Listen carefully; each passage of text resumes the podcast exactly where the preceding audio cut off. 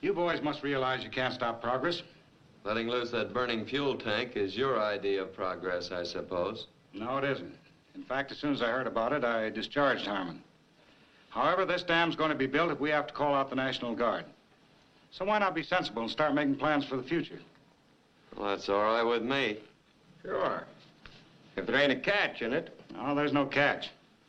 The most public-spirited man in the state has worked out a plan that I think should meet with your approval. If you endorse it, I feel confident the other ranchers will follow suit. Ah, here he is now. Hello, boys. Howdy. I want you to meet Mr. Dodge. Mr. Dodge, these are the Musketeers. Glad to know you. How do you do, sir? Mr. Dodge represents a big land development that uh, will solve the problem of new homes for your ranchers. Now, if the majority are willing to invest, they can get good land at a great reduction. But I'll let Mr. Dodge tell you about it. I'd rather show you than tell you. What are those, your samples? you might call it that, yeah.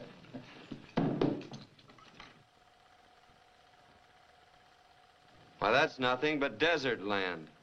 Is that your idea of a good investment? One of the best, Mr. Jocelyn. You're looking at pictures of the Empire Valley before it was reclaimed by irrigation. This is the same country the way it looks today. Fine truck farms and orchards. And plenty of grazing land for cattle. You've seen what water did for Empire Valley. It can do the same for this land we're being offered. And with the money we receive from the state, we can buy two acres for every acre of ours that we give up, and still have enough money left for our first year's expenses. Well, what do you say, men? Sounds like a pretty fair proposition to me. Yeah, well, I don't think we can do any better. How do you feel about it, Major? Well, I still don't understand how you're going to get water over there. That's quite simple. Our company intends to run a pipeline from here across to Devil's Acres. Yeah. But how are you going to get it over the mountains? Tunnel through. Our work will be completed by the time you're ready to move in. And in a few years, gentlemen, that land will be worth three times what you're paying for it. Uh, maybe so. If this deal is all that you say it is. We checked the Atlas Company pretty thoroughly. We're not asking you gentlemen to put up any money until we get the pipeline started. Vi er på jagt efter John Wayne. En podcast om John Waynes film fra start til slut. Mit navn er Teddy, og min medvært, det er min far, som sidder på den anden side af skærmen her. Det gør han nemlig. Og hvad, hvad, hvad er det nu, du hedder? Ja, det kan jeg snart ikke huske. Jeg er ved at være så gammel. Nej, det er er det. Yes. I dag skal vi snakke om Frontier Horizon fra 1939. Øh, ja, den, den rigtige titel er vel egentlig New Frontier. Men der er egentlig også mange, som kalder den for Frontier Horizon. Det er den sidste af de øh, tre uh, Musketeers Western B-film, som John Wayne har været med i. Der blev lavet omkring 51 i alt af de her, og John Wayne har også med i øh, uh, 8 af dem. Instruktøren er igen George Sherman, og filmen varer 57 minutter. Igen har vi John Wayne i hovedrollen, og så har vi Ray Corrigan og Raymond Hatton. Ellers så har vi også Jennifer Jones. Her er hun så i starten af sin karriere, så hun bliver kaldt for Phyllis Isley. Og så har vi Eddie Waller, Leroy Mason, gode gamle Leroy Mason, Harrison Green. Og det den handler om, det er, at politikeren William Proctor, det er så Harrison Green, han annoncerer, at der vil blive bygget en dæmning øh, på et sted, hvor mange øh, nybyggere har bygget, bygget deres hjem. Øhm,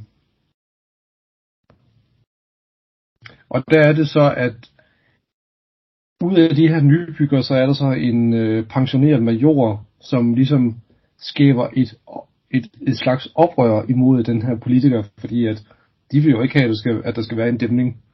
Øh, altså at hele deres hjem skal blive overfyldt med, øh, med vand. Øh, kampen den kommer så for øh, de tre mis- musketeers, for, det kommer fra deres ører. Og de prøver på at finde en fredfyldt løsning på konflikten. Men hurtigt så indser de, at øh, William Proctor, den onde gut her, han øh, vil gøre alt muligt for at få bygget den her dæmning og få de her nybyggere væk fra deres land. Så man kan sige, plottet øh, cirkulerer lidt omkring øh, skumle øh, rettigheder til, til, øh, til vand. Og det var sådan cirka omkring 35 år, 35 år før, Chinatown øh, gjorde det, i Roman Polanskis Chinatown. Øh, er, vi, er vi enige om, at det er det, den handler om? Ja, det er det faktisk. Ja. Jeg, jeg har lyst til at sige, at øh, jeg har lyst til at afspille et, et musikklip med uh, Celebration. På en eller anden, fordi det er den sidste Musketeer-film, vi skal ja. snakke om. Og det er det jo, det er det jo, fordi at det har virkelig været en hård omgang at komme igennem de her film. Ja, det har det sgu, virkelig. Ja. Men også fordi, at det er de samme du ved, skuespillere, instruktører, plot og sådan noget der, og det, øh, ja, det er ikke så sindsoprivende. Nej. Øh, jeg vil sige, øh, jeg synes filmen var mere voldelig end de andre Musketeers film, vi har set. Og klimakset er jo i princippet, at der er en hel by, der blev brændt ned, øh, hvilket jeg var ret overrasket over. Og så er der også øh, kamp øh, sådan mellem øh, øh, dem, der har dem, der er loyale mod øh, skurken, William Proctor, og dem, der er loyale mod øh, de her nybyggere. Øh, og så blev der, der blev simpelthen svinget med skovle, og jeg ved ikke hvad, øh, i den her kæmpe action scene til sidst. Øh, jeg ved ikke, om du kan huske det, at der er den der kæmpe kamp. Jo. Ja. Og øh, jeg vil sige, altså det var ikke fordi, det er særlig spændende, men jeg blev bare overrasket over, at, at ambitionsniveauet var ligesom hævet. Det var en lille anelse i forhold til de andre. Men det var ikke meget da. Nej, men lidt har også ret. Jeg var egentlig mere optaget af, at eftersom det er sådan en præget film, mere eller mindre, øh, og, og det skulle se hårdt ud, samtlige af de kvindelige skuespillere af en eller anden årsag, så lå jeg mand til den her gang. At de står simpelthen som, som jamen, overhovedet ikke sådan nogle bundekvinder, hvis man kan kalde dem bundekoner. Nej. De grine lige tænder, de har store plukkede, buede øjenbryn og Ja. vild læbestift, og altså alt det, de bare ikke havde sådan nogle steder.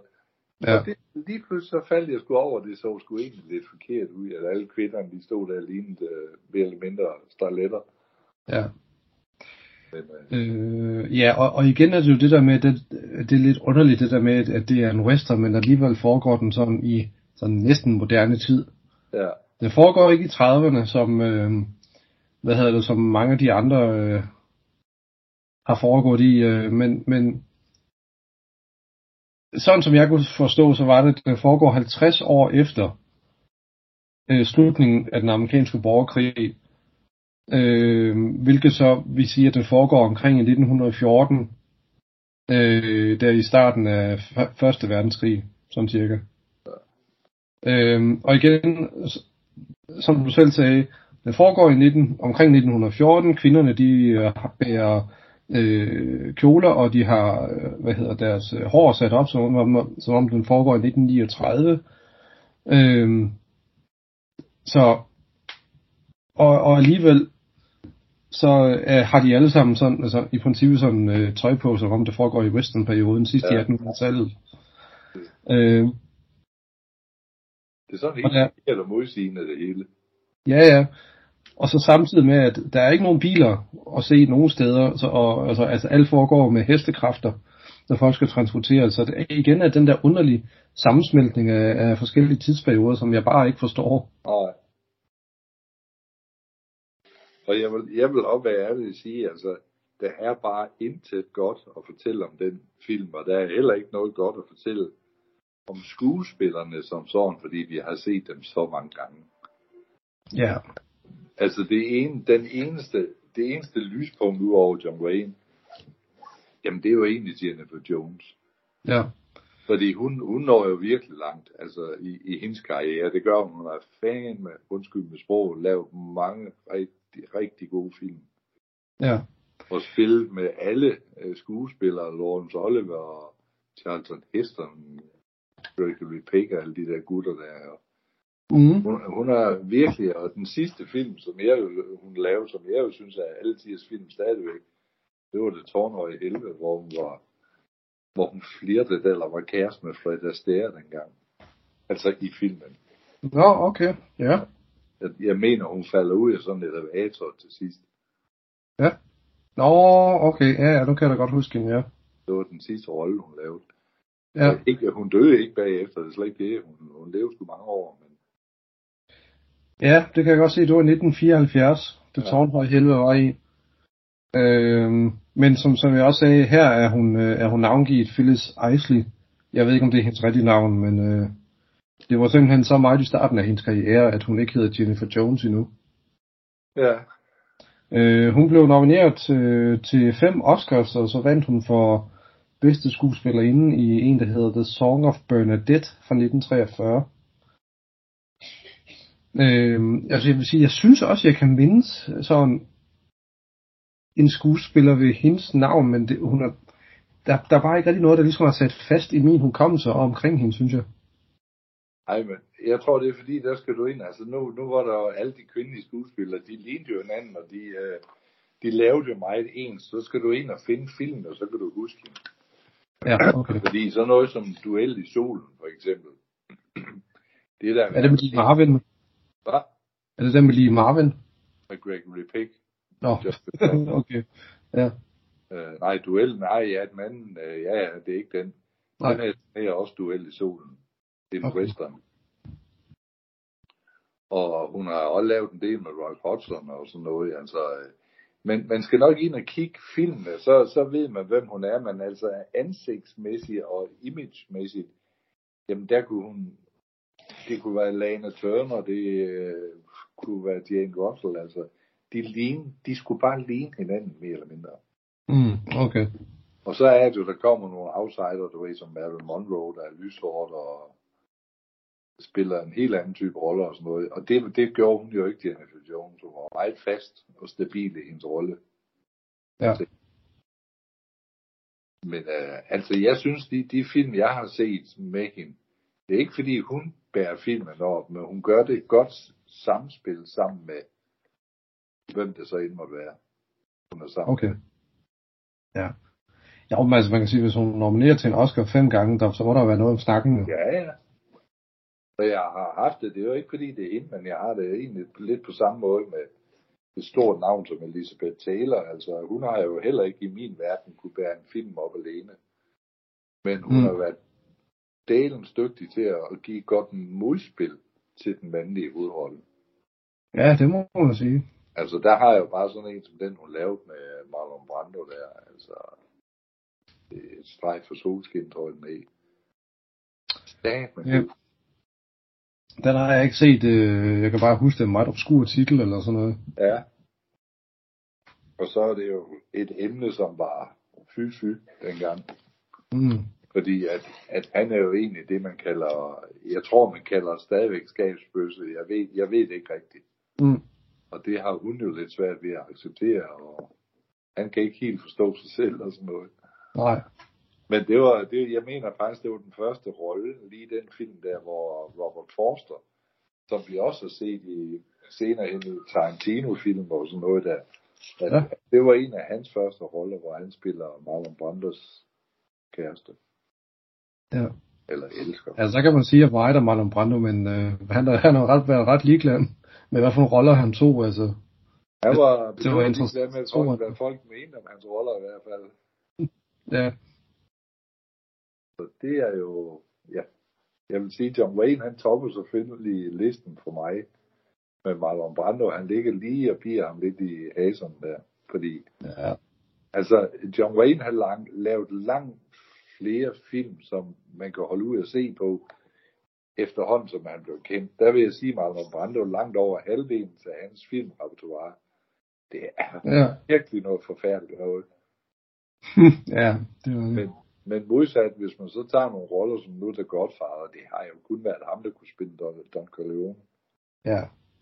Altså, Jo, man kan, man kan sige, hvad det er. Man kan sige, hvad man vil om de film, han er med i, men han er nok altid underholdende. jamen, det er han, fordi han fylder noget, når han er på, på, på skærmen. Ja. En film som Dommedag nu for eksempel, hvor han jo egentlig ikke er ret meget med. Men i det øjeblik, han træder ind foran skærmen, så er det ham, du ser, og ikke de andre. Ja, det var det. Så, men det er jo desværre ikke ham, vi skal snakke om nu. Jo. Nej, nej, det var det. Øh, jeg kan sige, at Jennifer Jones, hun led af mentale problemer det meste af hendes liv, og i 1967 forsøgte hun at begå selvmord og ved at springe ud fra en klippe. Men det overlevede hun så, og hendes egen datter tog sit liv i 1976. Øh, og så blev hun derefter meget interesseret i at, at forbedre eller at, at oplyse omkring mentale problemer. Og det er jo måske også derfor, hun ikke var med i andre film efter det tårnhøje helvede. Det tror jeg. Ja. Så øh, ja, og det er, også, det er også lige den eneste skuespiller, jeg faktisk har noget om. Ja. De andre, dem, øh, altså rent ud sagt, jeg har ikke engang lyst til at snakke om dem, fordi vi har snakket så meget om dem. Nej, men de andre har vi snakket om. Altså, øh, jeg kommer til at savne Leroy Mason. Det, han kommer nok til at desværre at fade lidt ud i baggrunden, men øh, jeg ved ikke, øh, jeg, ja, ham kommer jeg bare til at, at huske temmelig meget, tror jeg. Jo, jo, han, han, er også, han har også nået at lave en del, kan man sige. Det, det har han, men han dør jo egentlig ret ung. Ja, det var det. Så øh, der var jo ikke så mange muligheder for ham at komme videre. Nej. Altså 44 år gammel, så dør man af hjerteslag. Altså det er jo vanvittigt. Ja, det er utroligt. Nå, hvor mange stjerner vil du give den her? Jamen, øh, eftersom det er den sidste af de der elendige film, så synes jeg, at jeg går helt op på et 0. Ej, jeg, jeg, jeg kan slet ikke være med i point med det der magtværk. Det kan jeg ikke. Nej. Den får en stjerne for mig, og så er det det. Ja. Og så håber jeg sgu, at vi, det, det bliver lidt mere varieret fremadrettet. Jeg må jo så tilstå, altså den næste, det er nok en af de få film, jeg overhovedet ikke kan huske. Nej. Så øh, det, den, den er, hedder Hvad? Allegheny Uprising er den næste. Ja. De hårde halse på dansk. Ja. Øh, øh, har jeg heller aldrig set før. Nej, altså jeg, jeg, jeg, jeg, har, jeg har ikke set det nok til at vide øh, nok om det. Nej. Øh, det er ikke en af de film, jeg har sat på igen og igen og igen og igen. Nej. Så, øh, men når jeg først ser den, så kan det godt være, at Nå, det var den. Ja, vi må se, ja. Men det, jeg, jeg, ja, jeg er i hvert fald glad for, at vi øh, kommer videre til noget andet. Ja. Også øh, til, til forhåbentlig til glæde for vores lyttere.